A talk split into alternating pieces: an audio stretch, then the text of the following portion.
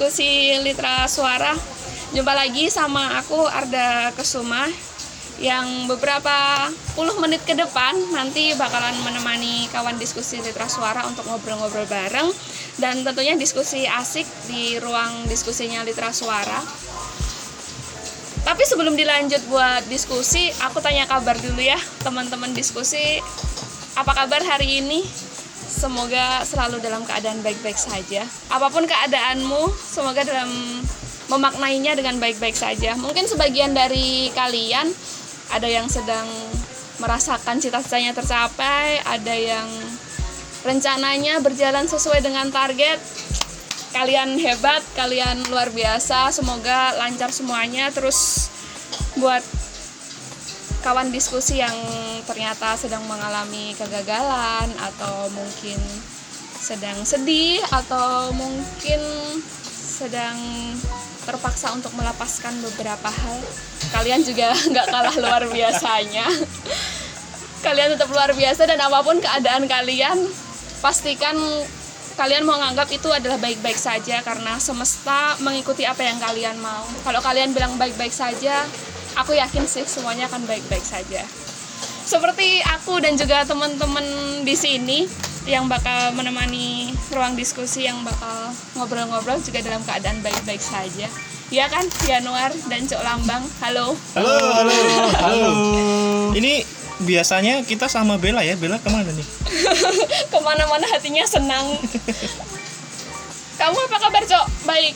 Sehat walafiat Ah, puji Tuhan. Halo, guys. Syukur ya. Yan baik juga ya. Alhamdulillah. Wih, alhamdulillah. malah Jadi, jadi pada kesempatan hari ini kita mau ngobrolin soal sebuah perjalanan, perjalanan yang dilakukan teman-teman buku berbagi diwakili oleh Yanuar dan juga Cok Lambang sekitar awal tahun lalu bulan apa sih? Januari. Januari Januari. Jadi di bulan Januari kami dapat kesempatan buat penelitian melakukan perjalanan penelitian di pulau mana?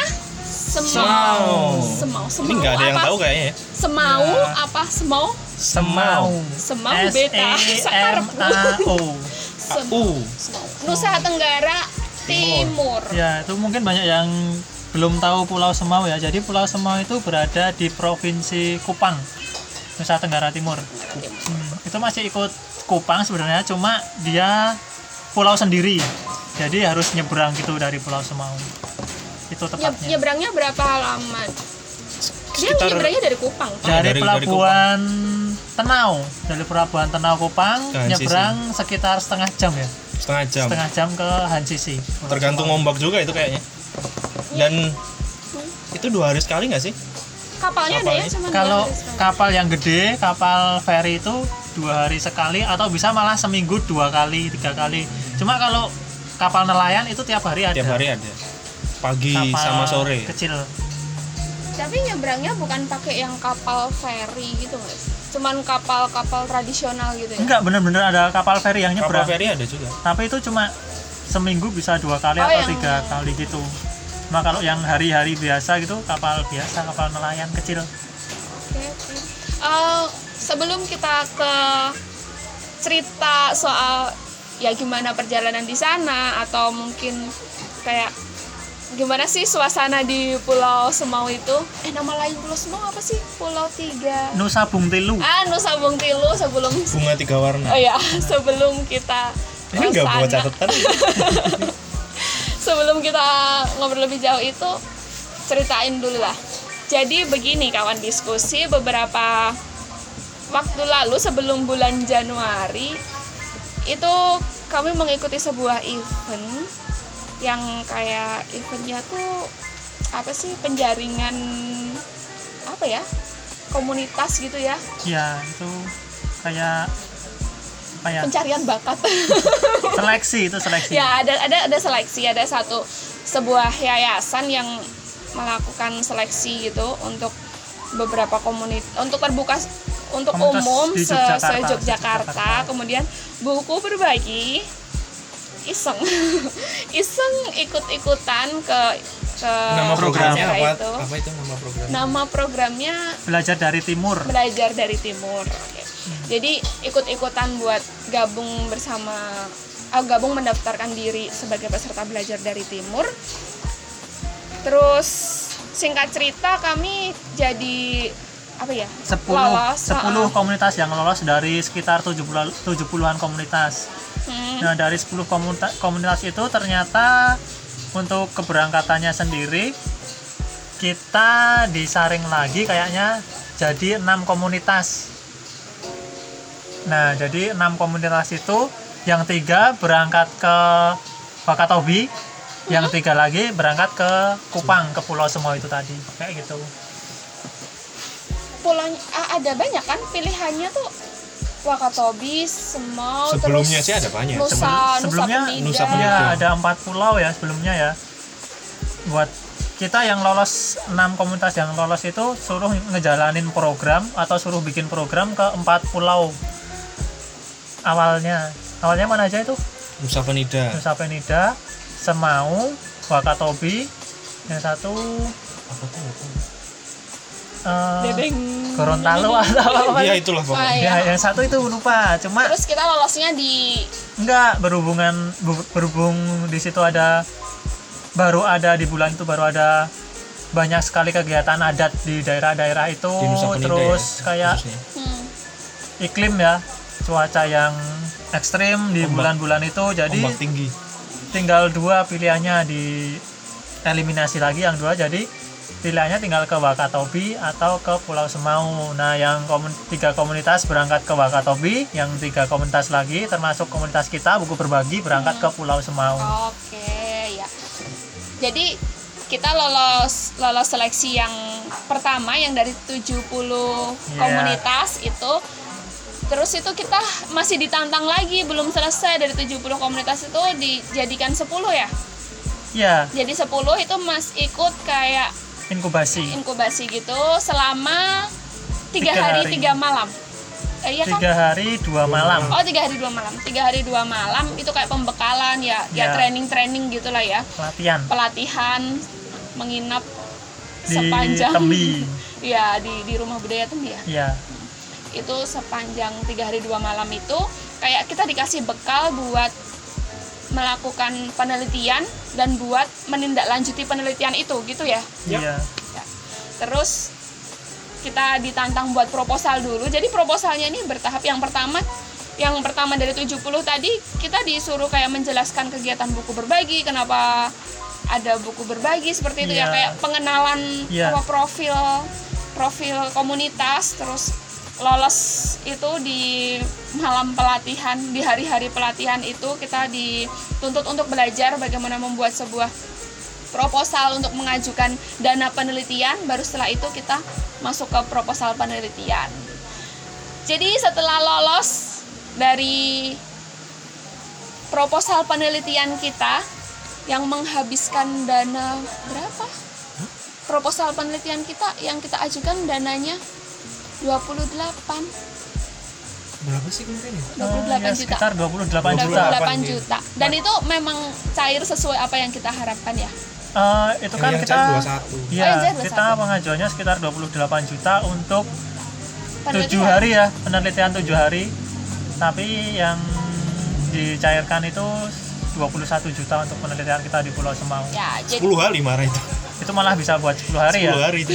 tapi kita penelitian cuman 10 hari 10 hari. Emang 10 hari ya kalian di sana ya? kita 10 hari di sana. Saya sudah serba lupa deh itu bulan Januari ya. itu jadi kita penelitian selama 10 hari di Pulau Semau dan sekarang kita ceritakan penelitian apa sih di sana dari tadi penelitian dari tadi kita ngomongin ya perkenalan dulu seputar cerita sebelum berangkat ke Semau dan oke kita di sana kalian ngapain aja? Pertama penelitian apa? Seputar apa yang Eh, kalian jadi gini ya awal mula ceritanya kita diberi opsi dari yayasan tersebut yang mencari kita yang menyeleksi kita diberi opsi untuk mengangkat isu-isu yang ada di Indonesia bagian timur. Hmm, isunya apa aja pas? Itu? Cok rumput Eh, laut. enggak. eh, apa sih pertanian. Pertanian Oh, ya terus itu terus tenun. Tenun sama itu kelautan.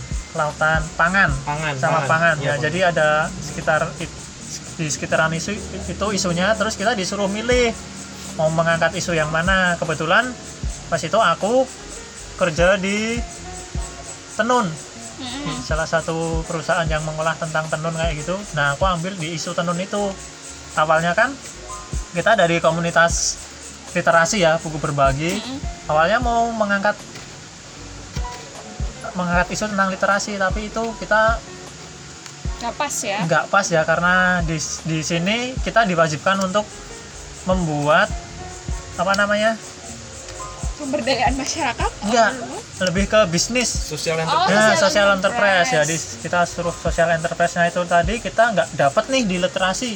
Makanya kita ambil yang tenun. Nah, jadi kita ke Pulau Semau membawa isu tentang tenun. Oke, jadi Kita yang membuat diteliti- program ya di sekitar tenun itu tadi yang ada di sana. Jadi selama 10 hari itu melakukan penelitian untuk membuat sebuah social enterprise Tentang tenun. dalam bidang tenun. Iya, Di, di Pulau disambunginnya sama kearifan kearifan lokal. Iya, karyawan lokal. Apa yang menarik dari tenun? Wow. perjalanannya menarik sih perjalanan kita mencari bagaimana sejarahnya tenun itu dibuat terus siapa siapa saja tokohnya terus asal us- asal usul asal mulanya tenun itu ada Hmm. Di, di wilayah itu ya kan di di NTT sendiri tenun itu ada banyak banget itu setiap setiap kecamatan setiap desa kayaknya pasti ada Oh. ciri khas sendiri gitu Tapi itu sebelumnya ada cerita menarik juga, Cok. Kan itu pertama kali kita datang ke Indonesia bagian timur tuh. Pertama kali juga kita naik pesawat. Nggak tahu gimana cara masuknya naik pesawat, beli tiketnya gimana.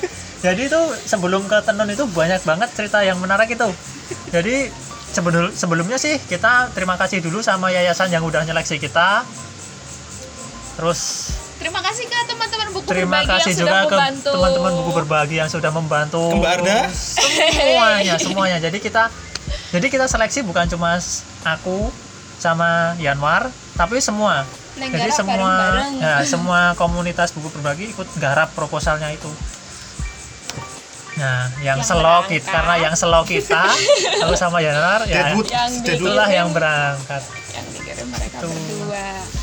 Jadi eh, tenun tuh lebih ke kearif kearifan lokal ya disambunginnya ya. Ini Ya, jadi di sana itu bagaimana kita bisa melestarikan tenun dengan konsep bisnis hmm, kayak gitu.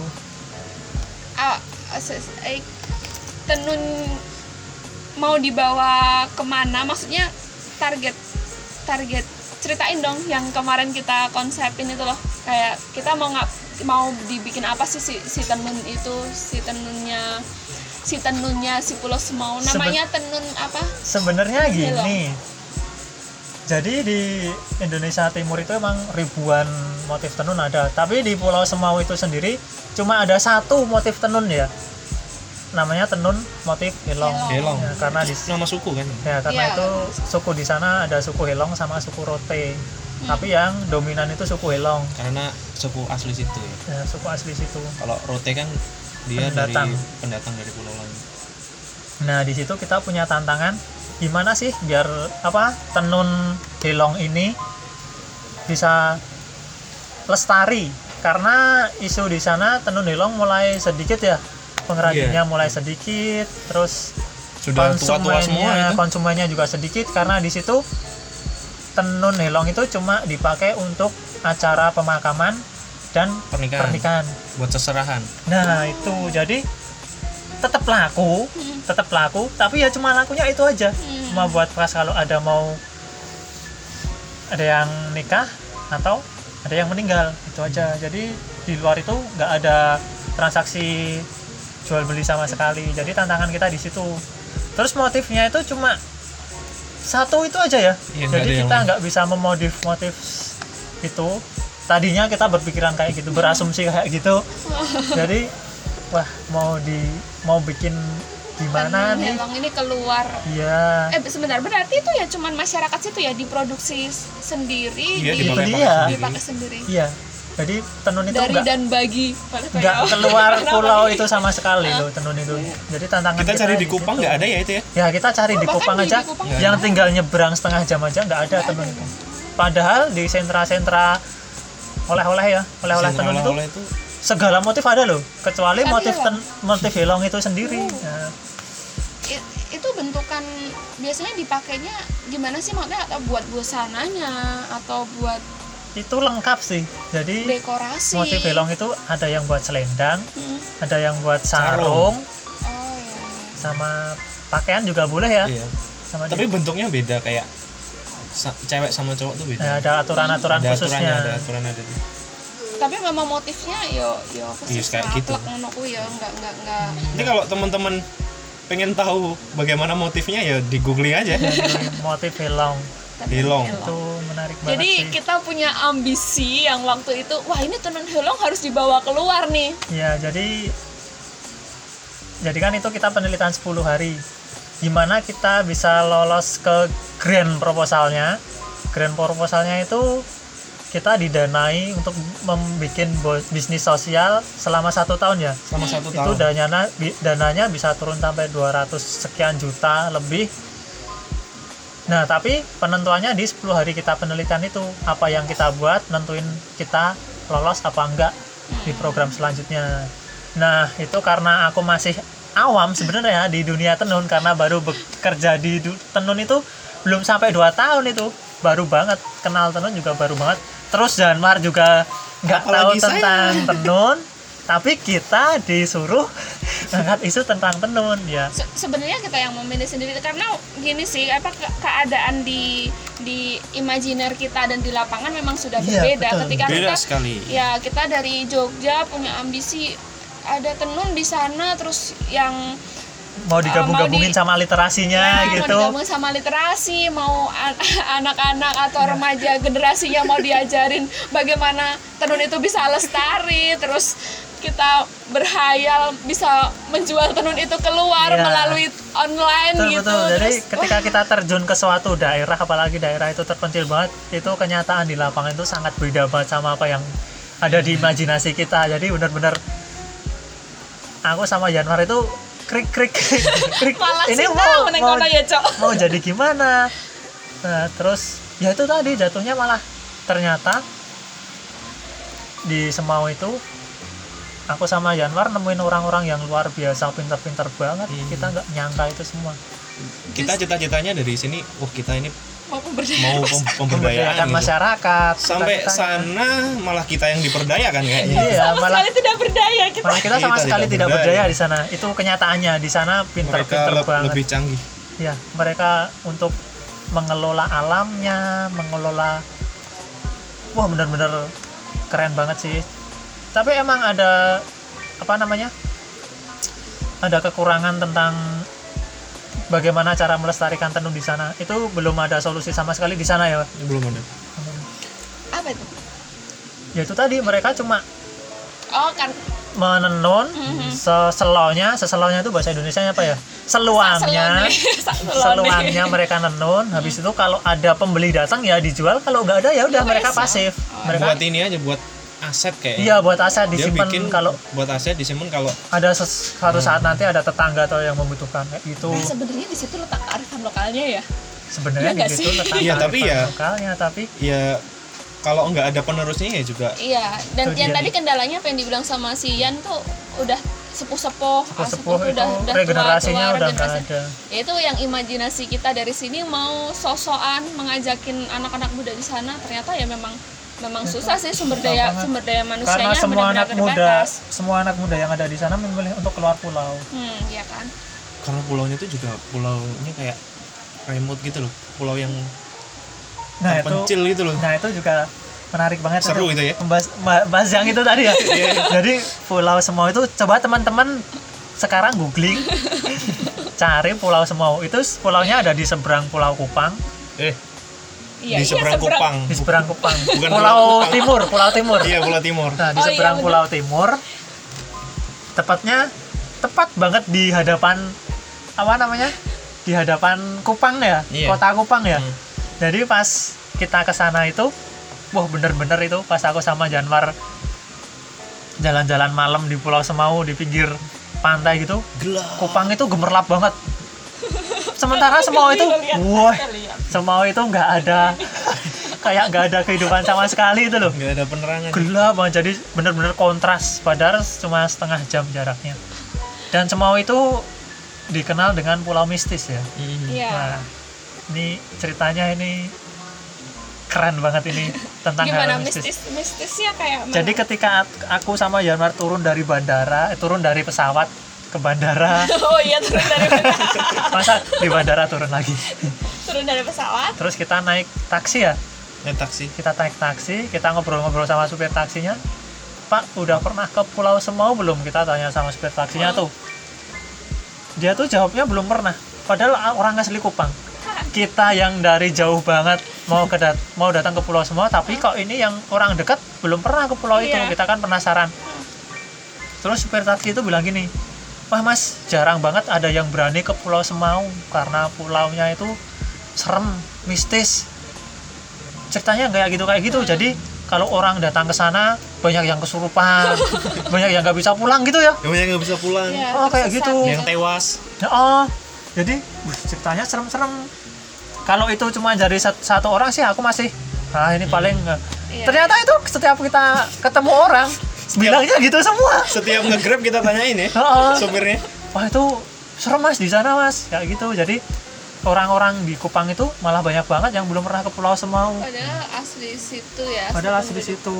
Dan begitu juga sebaliknya kayak orang-orang Orang Semau Semau tuh enggan juga. Yang udah tua-tua tuh malah kebanyakan belum pernah ke Kupang juga. Iya iya yang, Yang- yang- tapi yang generasi tua Iya, yang ya. tua. Iya, berarti katakanlah umur mereka 70 tahun atau 50 Nah, tahun iya, ya. 50 iya, iya. 50 tahun mereka nggak pernah nyebrang. Udah 50 tahun nggak Oke. Tapi bahan pangan di sana em, ini gak sih? Maksudnya susah gitu nggak sih? Atau ada selalu restock dari dari kapal? Ada stok sih kayaknya itu. Setiap ada kapal feri datang itu banyak warung-warung pada kulaan gitu. Jadi di sana udah banyak warung oh iya, iya. tapi warung kelontong kalau warung makan nggak ada. Warung kelontongmu cuma berapa itu? Cuma satu pulau kayaknya. Ih, maksudnya bisa di, tapi lumayan masih ada lah. Masih ada lah. masih ada, Iya, masih masih ada. cuma ya agak jauh juga sih. Jauh-jauh jaraknya. Aku aku nemuin tuh cuma yang di di pelabuhan ya pelabuhan Hansisi yang di pelabuhannya Semau itu satu. Sama yang di tengah-tengah dan mereka sebutannya hyperstore itu. Oh iya, Ya, terus sama orang-orang sama komunitas geng motor imut ya, komunitas Iya. yang nemani selama kita di Iya, sana. nanti kita cerita itu deh Ya di itu belakang. disebutnya apa? hyperstore, Hyperstore karena itu Jualan makanan apa pun. ada, cat ada, alat bangunan ada. Wah itu bensin juga ada bensin juga ada itu di tengah-tengah pulau ya. Hyperstore. Kalau kita ceritain ini dulu ya, apa keadaan Pulau Semaunya dulu kayaknya lebih seru kali ya. Nah, kita nyeritain keadaan Pulau Semau nyambung sana- yang ke itu tadi ya, yang asumsi tentang orang-orang ngerinya Pulau Semau. Ah, pas kita sampai ke Pulau Semau aku sama Janar wih bener-bener itu sampai sana disambut sama sapi-sapi yang ada di pantai terus pohon-pohon lontar. Wih bener-bener pulau itu. Ya ya ngomong pulau. Mas, itu bener-bener baru. Pulau liar gitu. Iya Oh, bener-bener. iya. aku sama Janar tuh wih gila ini hidup di sini. Aku betah aku betah. Aku sama Janar gitu. Wih indah banget gitu loh. Baru Pasir. jam.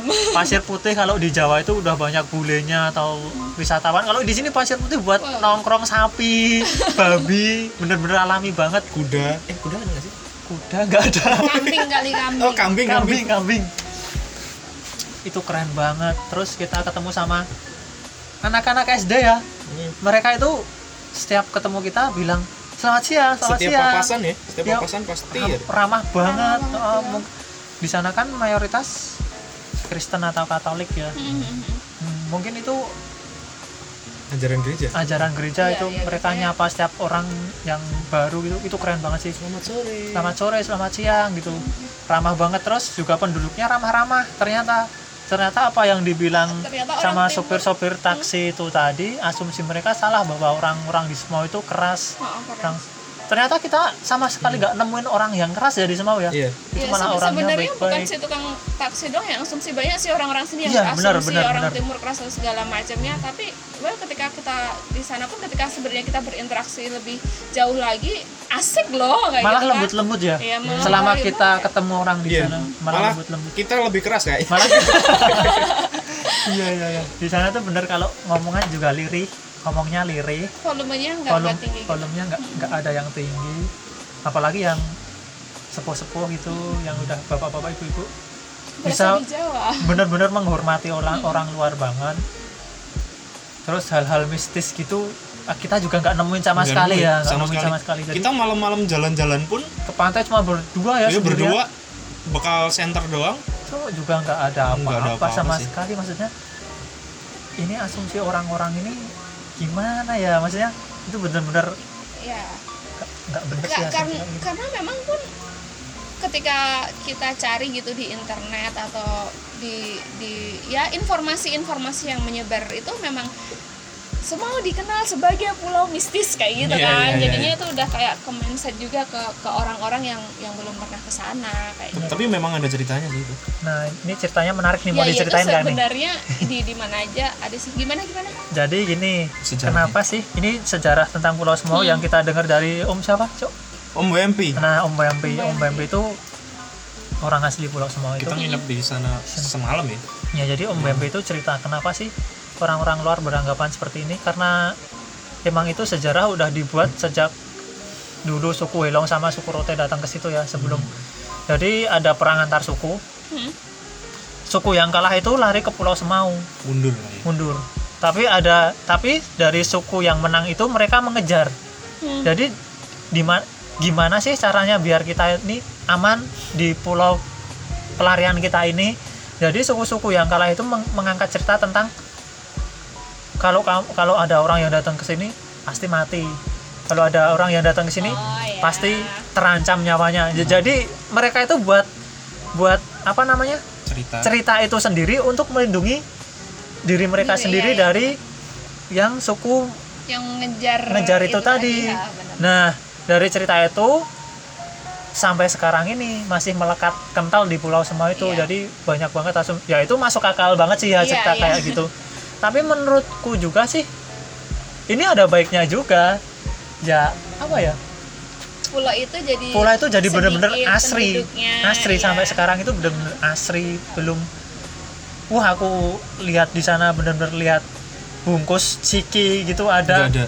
ada bungkus satu ciki gitu heran banget ya uh, ada ciki saking asrinya di sana gitu jadi malah justru cerita itu yang bikin asri tapi Om Bambi juga bilang mungkin kalau ada beneran yang kerasukan lah atau diganggu lah itu mungkin karena emang bener-bener orangnya itu yang nantang-nantang pulau itu sendiri bukan orang-orang Iya, pulau sikapnya orang Iya. itu dan Om Bambi bilang bukan orang-orang Semau yang jahat, bukan orang-orang Semau yang kayak dukun, tapi pulau itu sendiri yang bisa menghukum orang yang sok-sokan itu tadi. ya, ya sebenarnya gitu. memang alam seperti itu Iya. kalau ditantang Mungkin di semua tempat juga kayak Iya. gitu Iya, betul.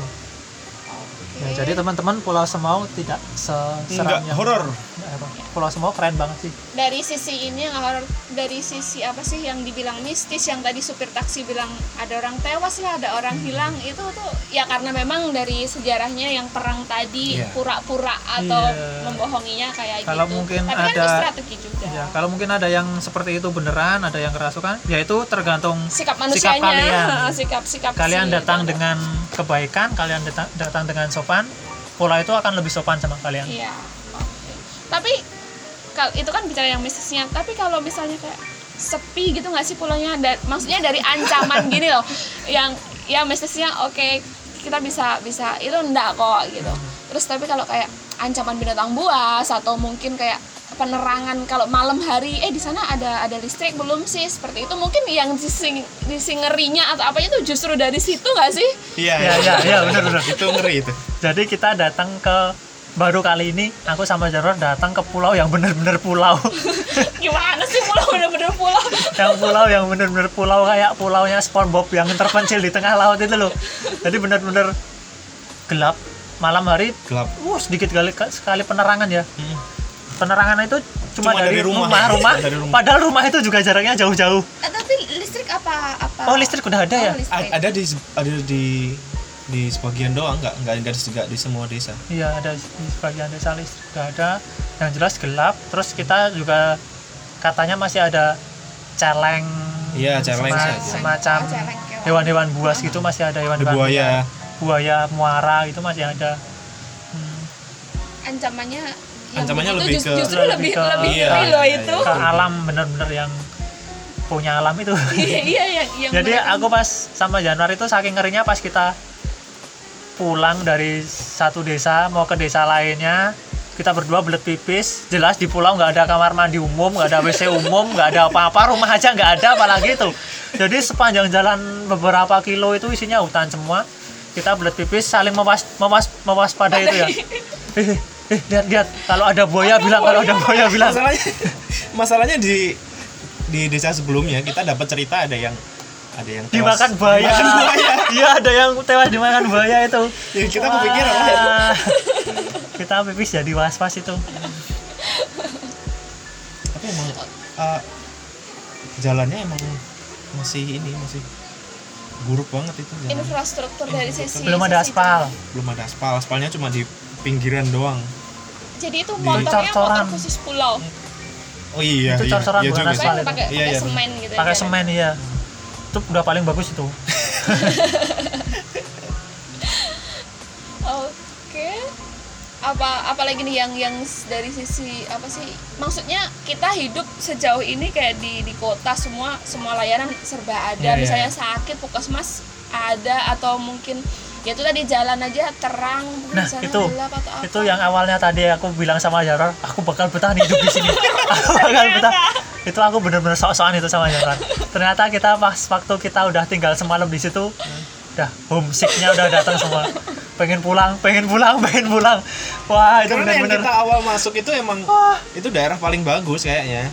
Dia itu Nah, da- daerah uh, ini daerah deket-deket pelabuhan dekat-dekat soalnya. pelabuhan dia masih masih oke lah masih ada oke. ada warung ada warung. listrik juga masih bagus. Oh, air juga masih lancar. Ada banyak yang punya TV gitu. Iya iya.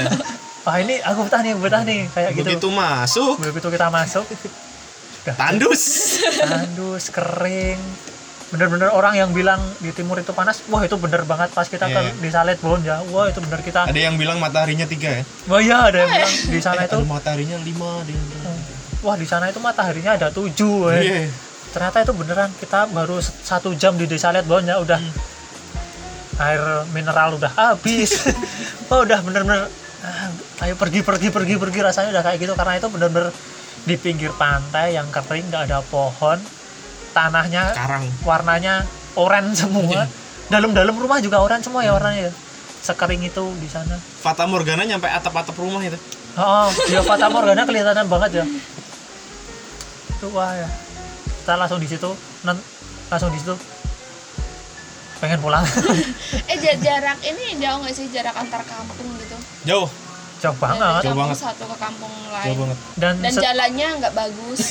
dan itu anu jadi dari kampung satu ke kampung lain itu pasti ada selah hutan yang Iya, panjang. Iya, biasanya sungai. biasanya nggak sungai hutan. Itu itu Pulau Semau ya? Maksudnya uh, kampungnya tuh menyebar di semua titik nggak sih? Kan ada tuh beberapa pulau kayak misalnya tuh orang nyebutnya kayak uh, sisi sisi barat itu hutan sisi timur itu penduduk kayak gitu loh. Apakah sih itu kayaknya. menyebar hampir di semua titik? menyebar di semua titik. Dan kalian menjelajah dari kampung ke kampung atau sesuai kebutuhan kan berarti ya? Beruntungnya kita menjelajah dari ujung pulau ke ujung pulau. Oh oke pakai kendaraannya motor eh Pakai- motornya motor. kayaknya motor harus itu harus tangguh biasanya motor di pulau tuh Kayaknya khusus sih. loh ya enggak sih kalau kalau teman-teman penasaran mau ke Pulau Semau nanti di Kupang udah bilang aja nyebrang ke Pulau Semau nanti udah disiapin motor yang khusus Iya biasanya motor-motor kayak gitu ada motor khusus. Biasanya motornya jelek banyak keren tapi yang jelek tapi tangguh. Eh terus Jelek tapi tangguh. yang bicara soal jalannya nggak bagus tuh gimana sih yang yang pas hujan terus? Itu loh yang kalian cerita sungai lewat di jalan. oh iya itu enggak gimana? Aspal aja nggak ada gitu. Jadi, jadi jembatan pun nggak ada. Jembatan nggak ada nggak jembatan itu. Jadi ketika habis hujan setelah hujan reda itu kebetulan kita ke sana pas musim hujan ya. ya kebetulan pas musim hujan itu jadi agak mendingan nggak gersang banget ya. segitu aja masih nggak gersang ya. Apalagi kalau musim panas jadi pas kita lewat jalan tuh tahu-tahu ada sungai di depan kita. Nah kita heran duh kok jalannya berhenti di sungai? Ternyata emang itu jalan dilewatin sungai karena tidak ada kali nggak ada jembatan. Jadi mau nggak mau kita nerjang nerjang sungai, Nah, itu. nggak deng sungai yang nerjang jalan kita ya. Kita jadi permisi wih gimana ya gambarnya ya? Benar-benar lumayan lumayan di jalan ada sungai yang lewat gitu. Lumayan dalam tenggelam itu motor sampai macet ya. Iya. Sampai kita dibantuin warga buat Hmm. nyebrang sungainya dan itu. anehnya setelah itu ya motor masih bisa. Sampai, sampai tiga hari ke depan tuh masih bisa masih bisa. ya motornya. Udah terlatih lewat-lewat sungai Iya, kayak itu gitu. tiap hari nyemplung sungai. Di- dibilang motor itu khusus. itu Di- sungai tapi cuman maksudnya kasus eh, jalan di di seberangi sungai eh, gimana sih bahasanya itu cuma ada di satu tempat doang. enggak Itu banyak enggak, itu banyak, banyak, itu. jalan yang kayak Oh, itu oke. jadi jalan tahu-tahu ada sungai yang lewat gitu. Iya ada air lewat ya, jadi harus pelan-pelan gitu ya Jadi karena yang yang mau nyebrang tuh air gitu kan. oh yang nyebrang air bukan orang karena musim hujan sih Iya iya karena Itu- karena musim hujan itu. itu kalau kemarau ya nggak nggak ada sungai di di di Pulau Semau memang ya itu tadi ya terkenalnya panas dan tandus. Dan di sana ada satu satu komunitas yang membuat membu, eh, me- me- me- apa sih namanya? Membuat sebuah gerakan yang menjadikan pulau itu lebih rindang lagi. Iya. sekalian cerita ini aja deh. Sekalian diceritain komunitas apa sih yang menyambut kalian di sana tuh yang kerja bareng sama kalian? Pertama GMI ya. GMI itu geng Dia motor imut. geng motor imut. Itu Namanya imut, itu imut. itu singkatan kayaknya. Ya Iya, geng iya. motor imut itu ada singkatannya itu keren banget sih. Dan itu dia yang dampingin kita. yang nampin kita. Jangan ngira kalau orangnya imut-imut ya. Geng motor imut itu orangnya Sangar. sangar-sangar tapi baik-baik banget. Gimana geng motor imut yang eh geng motor imut aja kok. Kayaknya ada Ada lagi itu ya. Pikul. Opikul itu yang di Pikul Kupang itu yayasan yang me- menaungi, menaungi geng motor, Geng imut, dan oh, lainnya ya. jadi selama selama di Semau tuh eh, didampinginya sama si geng motor imut Iya, ini. Kakak Ari. Kakak Ari halo Kakak apa kabar? Ari. kalau dengerin. Ya, halo Ya, kakak semoga Ari. dengerin. ya kakak Ari ini Kakak Ari benar-benar ya. berjasa banget buat kita ya. Itu yang nemenin kita selama di Kupang dan Pulau Semau. Baiknya luar biasa. Baik banget sabar banget itu. Sabar. Walaupun orangnya serem. Serem tapi ganteng sih kakak Ari. Aduh. Jadi disambut kakak Ari dan juga diantar di di apa sih didampingi itu tadi ya selama perjalanan atau penelitian di Kupang. yes. Terus ceritain dulu deh geng motor imut eh, yang membuat kalian kagum dengan geng motor imut adalah? Ya geng motor imut itu jadi dia yang ini toh yang itu tanaman dari bukan itu ada lagi. Oh, iya. yang Om Bempi tadi Om Bembe itu nama komunitasnya apa ya itu ya pertanian-pertanian gitu sih. Iya iya aku lupa namanya ya. Geng, geng nggak- motor imut dulu bawa catatan. Nggak bawa catatan soalnya ini. Jadi, geng geng motor imut itu dulu yang mengawal komunitas yang mengawali masuk ke Pulau Semau. Jadi kerennya geng motor imut itu dari Pulau Semau yang gersang Pulau Semau yang nggak percaya akan penghijauan itu apa namanya? Semuanya asumsi-asumsi masyarakat yang kayak gitu semuanya dirubah sama geng motor imut itu. Mm, geng motor imut itu kan isinya sebenarnya orang pertanian mm, mm. tapi mereka udah lulus kuliah gabut mau ngapain mereka bentuklah komunitas geng motor imut itu nah jasanya di Pulau Semau itu banyak banget sih itu terlihat dari pas kita datang sama kakak Ari semua, Semua orang, orang tahu. itu kenal sama kakak Ari itu aku jelas sudah nggak usah dijelasin jasanya orang selama ini Iya, ngapain iya. aja sampai orang itu iya, kenal iya. itu udah nggak usah dijelasin pun kita udah ngerti jasanya kakak Ari dan geng motor imutnya itu sih. Kalau yang pengen tahu kayaknya ada deh di YouTube ya? Di YouTube ada atau browsing aja coba geng motor imut apa aja yang udah dikerjain. Nggak cuma di Pulau Semau Iya, tapi iya. banyak banyak dia juga banyak bikin pulau di kompor timur. ini kompor apa kompor Oh, biogas hmm, biogas. Terus dia juga bikin air laut ketika kekeringan bisa jadi air yang bisa dikonsumsi. Mm-mm. kayak gitu. Wih itu keren banget sih kakak Ari itu itu kakak Ari. Jadi kakak Ari yang kayak membuka mensa eh, meluruskan. Bukan kakak Aris sih tapi geng motor Iya iya sorry sorry. Geng geng motor imut yang pada akhirnya terus ada orang yang jadi ya menjadi lebih akrab lagi dengan Pulau Semau kan ya. Iya, betul. Terus kalau yang itu siapa? Kakak Wem? Om Wempi Om ya Wempi, ketika sorry. kita Om Aziz. Ketika kita datang di rumah Om Wempi itu nah ketika itu ketika itu kita dibuka benar-benar bahwa orang-orang di sini tuh pinter-pinter banget Lebih berdaya daripada kau yang Lebih ber- ingin lebih berdaya ya Itu daerah paling hijau, hijau di Pulau Semau. di di di sawah Desanya Witiutuan kalau nggak salah. jadi Pulau Semau itu desanya ada Wiasa Witiutuan Witiwana. Witiwa, oh susah susah susah banget, apalagi nama orangnya coba bayangkan. itu baru nama desa aja udah susah banget. Pas kita ngobrol-ngobrol sama Om Bempi, itu Om Bempi cerita dulu itu di sekitar desanya dia semuanya itu gersang sama sekali nggak ada yang hijau. Terus geng motor imut datang bikin pelatihan. Dulu cuma Om Bempi yang datang, semua yang ada di pulau itu nggak mau datang ya udah dibujuk juga mbak nggak mau tapi om Bempe punya moto gini aku datang aku nggak peduli omongan orang apa yang penting aku bisa membuktikan lewat tindakanku jadi om Bempe Action. action jadi om Bempe benar-benar memperhatiin karena om Bempe punya punya punya ini loh jadi om Bempe punya kepercayaan bahwa setiap orang yang datang ke, ke pulau Semau pasti orang itu punya niatan baik Oh iya. iya. jadi siapa pun yang datang ke situ Om Bambi selalu welcome kayak gitu jadi benar-benar diperhatiin setiap apa setiap pertemuan yang diberi sama geng motor imut sampai Om Bambi bisa nanam ini ini ini sampai waktu itu Om Bambi cerita rumah Om Bambi hijau sendiri di antara rumah yang lain. Jadi Emang- benar-benar lainnya banyak kering rumah Om Bambi hijau sampai ada apa lobak apa apa di depan rumah yang gede-gede gitu banyak buah-buah. Sampai orang lewat itu berhenti Bahkan- saking herannya. Jadi nanemnya tuh bukan sekedar tanaman hias bunga-bunga tapi Oh, itu enggak. kayak pangan ya pangan justru. yang ditanam Oh, itu pangan ketika itu. ketika tetangga bi- cuma bisa menanam bunga yang nggak perlu disiram om bembe itu menanam menanam apa aja Mm-mm. yang bisa dikonsumsi jadi om bembe nggak pernah ngomong apa-apa tapi ketika orang orang lewat rumahnya dia orang itu bisa sampai berhenti heran loh kok rumah ini hijau?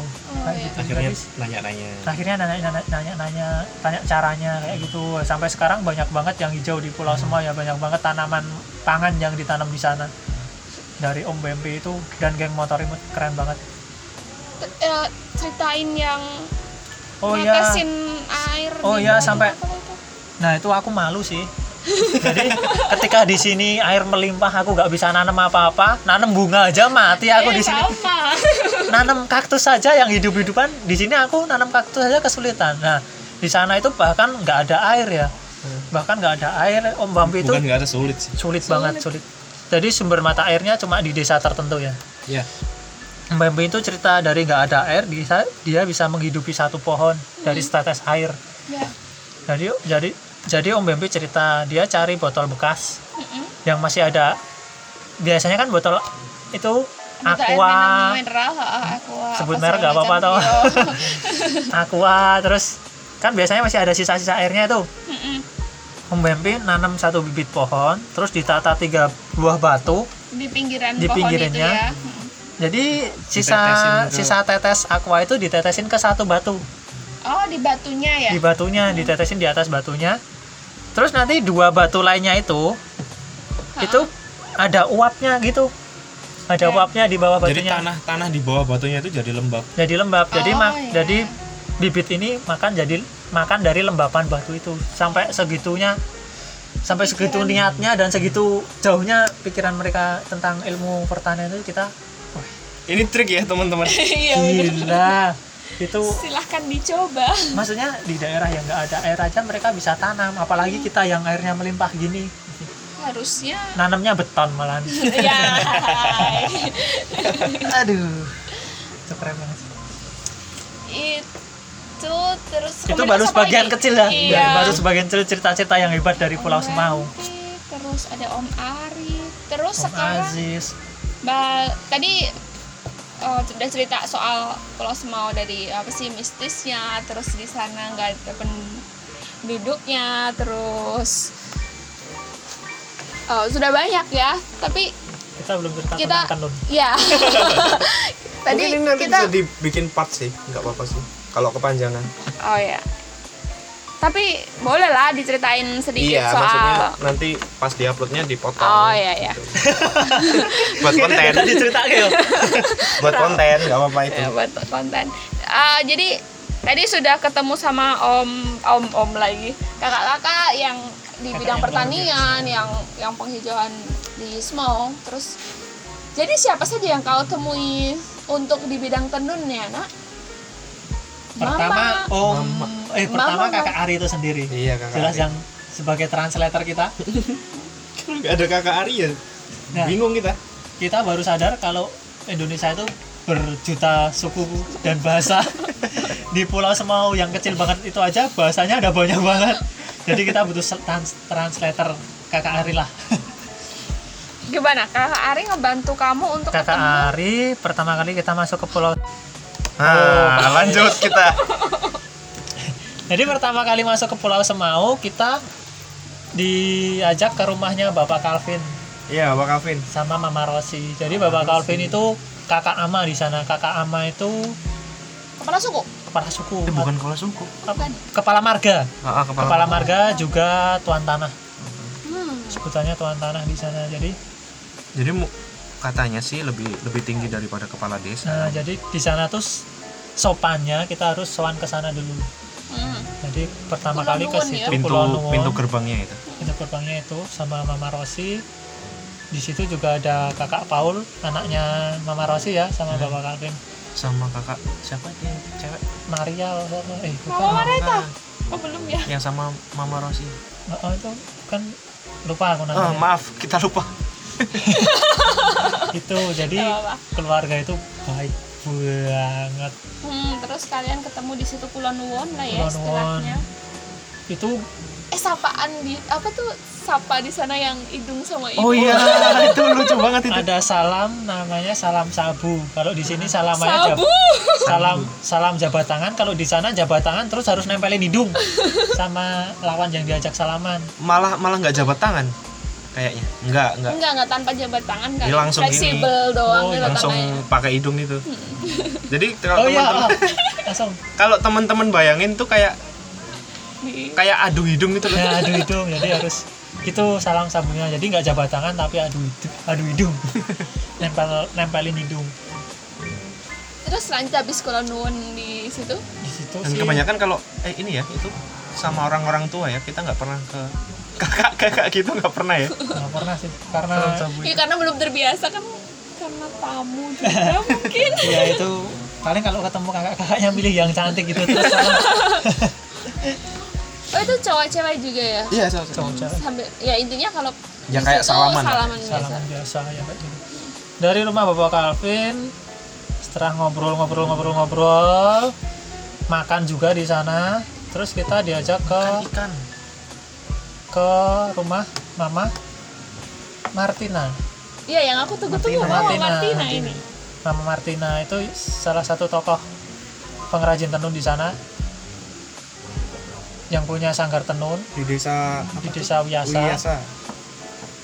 Mama Martina kita ngobrol-ngobrol sama Mama Martina terus Sebenarnya kita mau gali ini, mau gali ceritanya, mau gali di situ. dulu tentang tenun suku Hilong itu artinya apa sih? Arti motifnya apa sih? Sejarahnya gimana sih? Ternyata Mama Martina nggak tahu itu semua. Nah, jadi Mama Martina per- pernah dengar dengar tentang cerita motif terus sejarah tapi udah lupa ya. Iya. terus kita diarahin ke Mama Maria.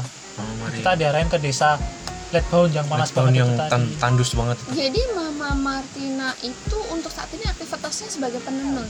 pengrajin tenun dan dia punya sanggar Oh ada sanggar. ada sanggarnya terus ada anggotanya lima orang ya Enam, enam orang. Itu enam Tapi orang itu usia, semua usia ada yang tua ada yang muda Hmm. Oh ya. ya. tapi itu baru belajar juga ya Hmm. baru belajar tenun semua Jadi ha- hasilnya, Jadi hasilnya nggak masih nggak belum tentu. maksimal. Belum layak maksimal. jual belum. belum layak jual itu.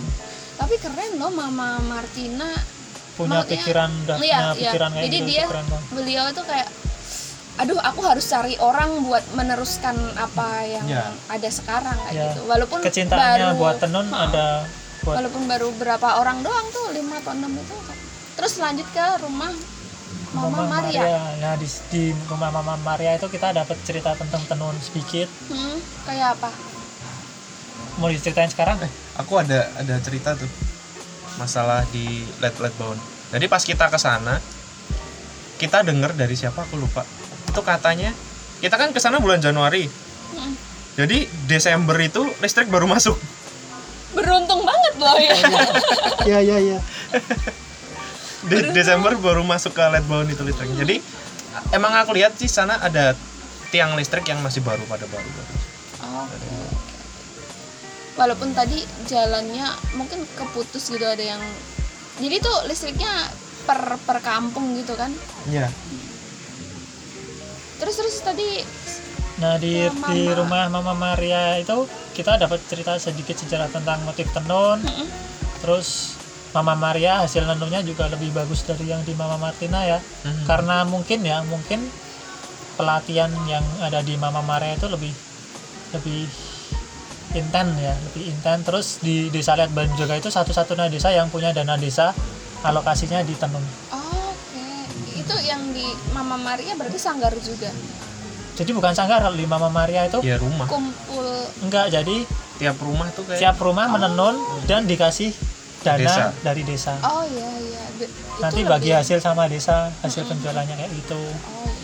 Jadi itu emang desa tenun Emang desa tenunnya Desa Letbon tenun. itu. Jadi ketika orang-orang itu mencari tenun kebanyakan ke desa Dilarikannya ke yang dari daripada ke desa-desa lain. jadi Mama Maria nih membina membina apa ya namanya ibu-ibu atau apa yang di kampung situ gitu ya Iya. se sekampung kayak gitu ya oke di situ dapat puas apa mereka juga ternyata belum begitu memahami soal tenun helm Sebenarnya tapi sih, sekedar udah cukup banyak ya Udah cukup banyak yang kita dapat dari Mama Maria, tapi dari aku sama Januarnya ya belum puas sih. Kita pengen bener-bener tahu sebelum kita mengangkat tentang tenun nilong itu sendiri kan kita harus tahu dulu nih, harus tahu banyak lebih detail lagi lebih gitu detail ya. tentang tenun itu sendiri kita harus mengenal dulu tuh nah habis itu kita belum puas kita diajak sama kakak Ari dari tadi nih kita sama kakak Ari terus loh ini oh iya Iya. iya oh. kita diajak kakak Ari ke ujung pulau ke desa apa Aduh, Witiwana. bukan. Witiwana kalau nggak salah ya. Heeh. ke desa Tiwana ketemu sama kepala marga juga kakak Ama di situ Om Solet. Eh, bapak Solet Bapak Solet, Om Solet. bapak Solet bapak Solet itu ke, ke, ke kepala marga juga pas kita di rumah Bapak Solet kita singkat cerita nih ya udah Hmm. Udah cerita-cerita panjang lebar Bapak Solet itu tanggapannya wah itu bijaksana banget. Kita minta sejarah tentang tenun terus arti motif tenun. Sebelum beliau menjawab itu beliau itu izin keluar. Beliau ngumpulin semua tokoh-tokoh adat yang di- ada di sana buat ketemu kita buat malah jadi benar-benar gitu jadinya jadi ya. jadi benar-benar nggak main-main gitu loh. Iya iya. Mereka meng- apa, menyambut. menyambut dan menceritakan tentang tenun mereka itu nggak main-main. Sampai ngumpulin apa namanya tokoh-tokoh adat yang ada di sana. Terus mereka cerita lah gitu. Terus itu sudah sudah berakhir di siapa? Om Solet eh ya itu si, yang Iya, terakhir di Bapak Solet. Bapak Bapak Solet kok gitu. Ya, jadi gini di Bapak Solet itu beliau cerita tentang motif pertama warna warna tenun hilong yang berasal dari warna bunga bungtilu nama dari pulau semua itu sendiri Iya. kan aslinya Nusa Bungtilu warna hilong terinspirasi warna tenun hilong terinspirasi dari si bunga itu. Warnanya apa? Merah, kuning, putih. Ya, jadi bunga bungtilu itu ada tiga warna merah kuning putih tenunnya terinspirasi dari situ warnanya. Terus untuk sejarah motifnya sendiri ada segitiga dan ada corak di dalamnya. Itu apa namanya tak ceritain singkat aja ya. Itu tentang zaman dulu ada beberapa desa terus yang dilindungi sama satu raja. Terus ada motif yang bentuknya kayak dayung tentang raja itu yang mengarahkan desa untuk kemakmurannya. Yang kayak gitu kayak gitu. Kita bayanginnya sulit ya kan? Nggak- kalau nggak ada gambarnya. Ya, jadi bayangannya gitulah. Tapi ya poinnya, poinnya adalah ketika Bapak Solet itu menceritakan tentang motif dan sejarah Helong padahal padahal Bapak Solet itu tokoh yang yang, dituakan lah ya. yang dituakan ya di sini di sana dituakan. Terus tokoh adat juga ya. Bapak Solet itu sampai bilang gini ke kita maaf ya kakak-kakak. Ketika saya menceritakan tentang motif dan arti dan arti tenun Helong kepada kakak-kakak ini kurang lengkap. Bapak Solet itu sampai bilang kayak Iya, gitu iya. karena kita sendiri sudah kehilangan arti dari tenun ini sendiri sudah sudah kehilangan sejarah. Nanti kalau kakak-kakak di luar sana menemukan yang lebih lengkap daripada kita kita sangat mohon sekali untuk kakak-kakak ini menceritakan pada kita wah itu langsung dan tersebut kita pengetahuan. ngobrolnya itu di sana si wah si bapak bapak ini bijaksana dia banget pakai pakaian adat ya semuanya pakai pakaian pakaian adat adat gini pakai Ya, pakai tenun nih. juga pakai ini ikat kepala jadi berasa niat banget Wow. ya kayak bener-bener kayak kedatangan tamu apa dengan gitu ya bijak- dan bijaksananya mereka Bijaksana. terbukanya Bijaksana. mereka mereka Benar. sampai sampai ingin melengkapi apa yang udah menjadi identitas mereka tapi mereka sedikit kehilangan identitasnya. Kita disuruh melengkapi. Padahal kita yang orang orang luar mereka mempercer- mempercayakan itu pada kita ya. Itu benar-benar bijaksana banget. Dan di nah situ? di ya, situ sampai di situ kita udah lengkap semua ceritanya. Walaupun kita belum puas kita Iya. pengen cari cerita yang dari luar pulau itu sendiri atau cari referensi-referensi lain. Di situ kita dikejar-kejar waktu dikejar-kejar program nah di situ juga kita nggak bisa lolos ke, ke fase berikutnya neng, neng, neng. tapi kita masih punya apa namanya Beban beban, moral. moral. kita masih punya hut- hutang yang oke bapak kita mau lengkapi ini ini ini di sana sama mama mama Martina, Martina juga sama mama Maria. Martina nanti kita kolaborasi kita bikin tenun supaya bisa dijual gini gini gini Cry. Ah, sebelum kita sampai ke sana tapi kita sudah gagal dulu ya itu yang sangat kita sayangkan ya Ya, ternyata belum berjodoh untuk melanjutkan Ya. Hasil penelitian itu. Tapi Semes- semesta belum selaras. Ya tapi kita masih mengusahakan beberapa kita masih punya keinginan buat ke sana. Kita masih pengen ketemu beliau-beliau. Lain. kita yang memberi banyak pelajaran buat kita. Iya pastinya lah itu. Jadi seperti itu teman-teman untuk untuk ceritanya. Sebenarnya masih banyak ceritanya. masih banyak ya yang ada. aneh-aneh yang lucu-lucu. Iya. Mungkin kita bisa jadiin part berikutnya ya nanti kita Mungkin, mungkin. Iya. mau ya. Kayak yang kalian ikut itu loh syukuran yang daging kambing dicelup air doang. Iya, di nah sana itu itu, itu. Masakan masakannya itu tradisional banget. Bumbunya cuma garam tok. Garam tok kalau nggak pakai bumbu indomie. Eh beneran ya bumbu Indomie? iya buat masak gitu tapi enak sih iya ya, emang indomie enak sih gimana gimana dong Oke. Jadi banyak ya hal. Terus kalian ngerekomendasiin nggak sih kalau kit, ini kan perjalanan-perjalanan yang kita ceritakan tuh ada kepentingan gitu loh. Maksudnya kita penelitian atau apa. Terus kalau soal untuk dikunjungi sekedar untuk berkunjung ya. Mungkin sekarang lagi tren wisata atau apa. Semua recommended gak sih? Recommended. Recommended banget sih itu. Tapi sejauh ini sel- atau selama kalian di sana nemuin nggak wisatawan karena karena dulu sejarahnya pulau semua itu udah pernah dijadiin tempat wisata. Tahun 90-an ya? Tahun 90-an di situ ada pelabuhannya Ada resortnya kayak juga. Tapi itu udah lama mati ya karena Lama mati investornya karena- bangkrut apa atau apa dari gitu Eropa ya atau? Nah, dari Eropa tuh itu jadi itu benar-benar recommended banget. Kalau teman-teman pengen tahu nih penasaran teman-teman bisa browsing pantai Otan pantai di Uyasa. Bukit Liman. Bukit Liman. Coba aja browsing. Wah itu Gila, wih, gila keindahannya Terus sekarang juga transportasinya di sana mudah ya, begitu Nah, begitu. murah dan mudah Oh murah juga ya? murah juga di sana Ini ini ngomongin Indonesia sisi nyebrang timur itu loh. ya nyebrang Iya. itu cuma cuma 50 ribu, Serius? Iya. sama motor loh itu sama motor itu udah kita nyebrang motornya diseberangin nanti Eh teman-teman lima puluh ribu itu berdua pak? berdua berdua Berarti 50 ribu berdua Oh, bertiga bertiga sama, sama motor, iya lima puluh ribu terus teman-teman kalau di sana bingung transportasi bisa sewa motor paling itu sehari seratus ribuan ya 100 ribu Itu Murah loh itu. murah. emang satu-satunya sih loh itu. kayaknya emang satu-satunya yang bisa di, bisa mengakses semuanya itu motor motor. Motor. Oh, jadi kalau tipsnya nih buat buat kawan diskusi yang mau jalan ke Semau atau bingung ceritanya mau berkunjung ke tempat mana yang yang mungkin belum mainstream terus belum terlalu ramai juga langsung aja nih ke Pulau Semau nyebrangnya cuma 50 ribu terus itu kan pulaunya kecil jadi bisa dikelilingi Sehari. nggak sampai sehari. Jadi teman-teman nggak perlu bingung di sana nginep di mana karena di di sana memang benar-benar nggak ada ada penginapan. Peng- tapi bisa sih mungkin kalau di rumah warga. di rumah warga tapi mungkin harus ada yang kenal ya. Iya harus ada yang kenal jadi bawa bawa guide lah dari Oh, dari gitu. Kupang bawa guide jadi kalau teman-teman sekedar ingin ke Bukit Liman atau ke mana bisa banget itu dari Kupang nyebrang habis itu balik lagi ke, Pu- ke Kupang baru nginepnya di Kupang ya. Hmm, bisa. Kayak gitu. Ya kalau tapi capek sih kayaknya itu. Nginep banyak banget. Karena banyak per- banget. perjalanannya berliku-liku. Atau pantainya banyak banget. Ya biasanya orang-orang jalan juga kayak pendekatan ke warga. Kan tadi maksudnya ceritanya di sana pun menyambut dengan baik-baik sekedar Benar. ya. Disapa warganya nanti cerita gimana siapa mana tahu gitu di dibolehin nginep di rumah. Atau Justru bisa serunya- camping. serunya malah gitu ya. Iya sebenarnya di di jalan dan tuh kalau kayak teman-teman dari Kupang ke Pulau Semau bingung mau ke mana ke arah mana-mana itu nggak usah bingung teman-teman.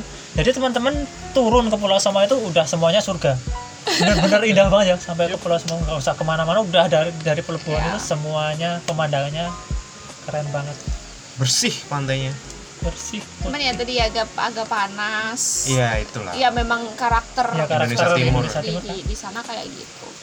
Tapi itu jadi tempat yang recommended dan yuk kita kita ajakin orang-orang untuk berkunjung lagi ke Pulau Semau setelah tadi tahun berapa yang terakhir dijadikan tempat wisata 90-an. ke sana tapi inget jangan kotorin apalah tetap di kalau mau dijaga. berkontribusi juga buat Pulau Semua teman-teman bisa di sana beli kain tenun buat Nah, oleh-oleh Iya, iya, benar. iya. belinya di Semau, jangan di di Semau Eh, ya gimana sih benar. belinya di Semau langsung di mama-mamanya yang Ya, pengrajin itu hmm, lebih otentik lebih Ya, benar. otentik lebih feel-nya lebih lebih dapat lagi ya. eh, tadi mau cerita ini dong Apa dong? yang di acara nikahan itu Yang Oh iya, ya itu tadi kan masakan tentang masakan iya di Pulau tentang Semau. masakan Masakan di Pulau Semau itu benar-benar bumbunya seadanya, cuma air, ikan, garam. Kalau enggak air, sayur, Direbus. garam. yang Direbus. kambing.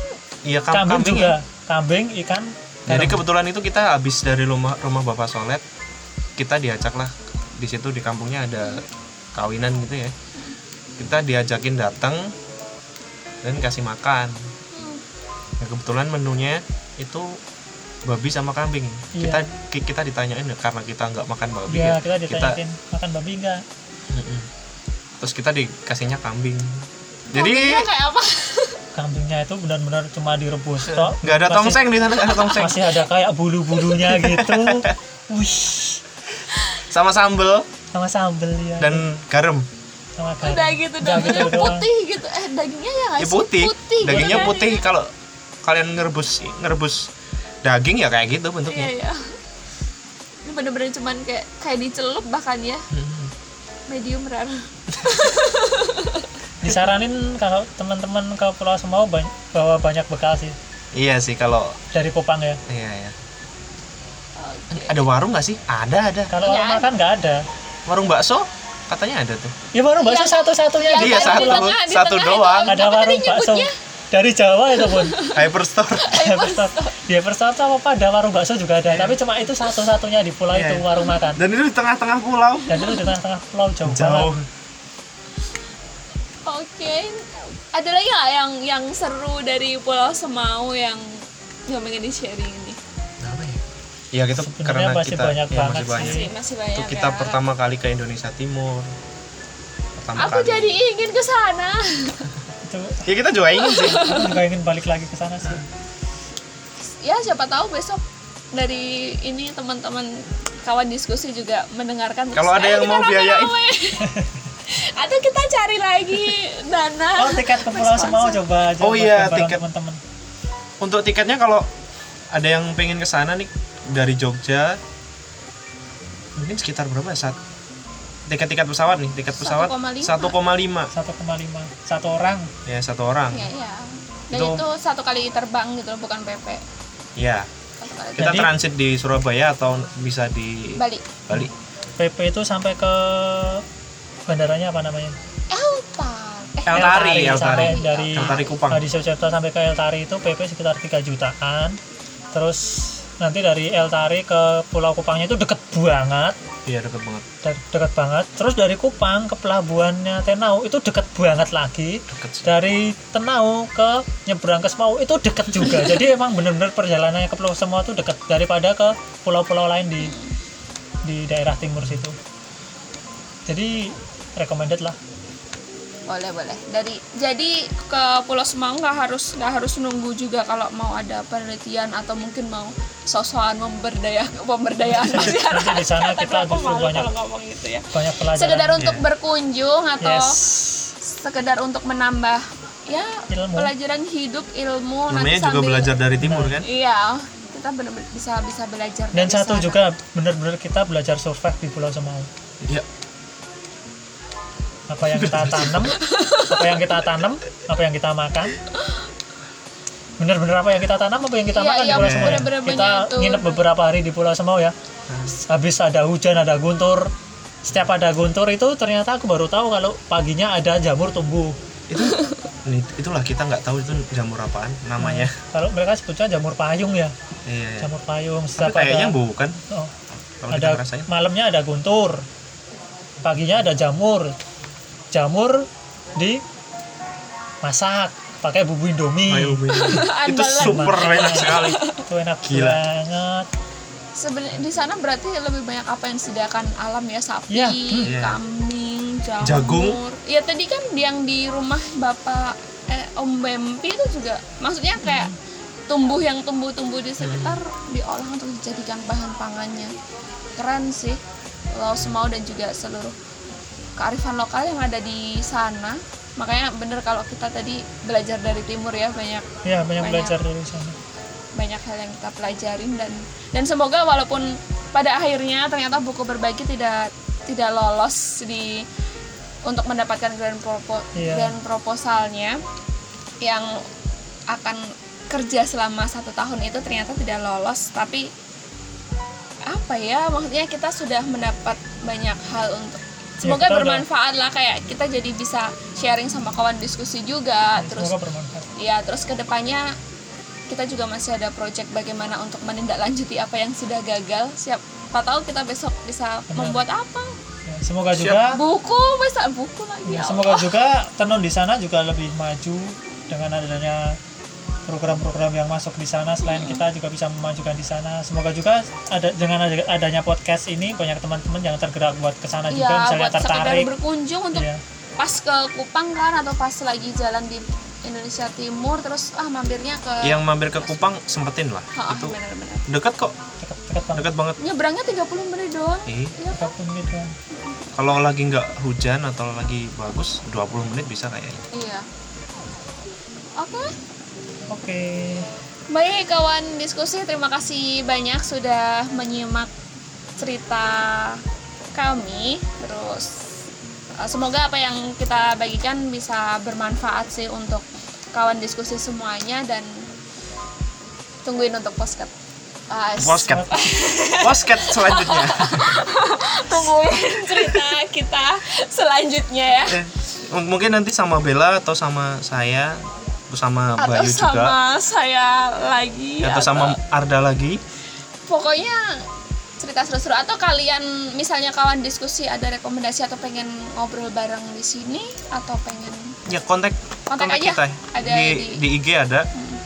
Litra emailnya Suara juga ada oke terima kasih terima kasih Yanco ya dan juga diri sendiri dan juga kawan diskusi semuanya matur suwun Oke, sampai ketemu salam. lagi. Assalamualaikum swastiastu Shalom salam. Shalom gua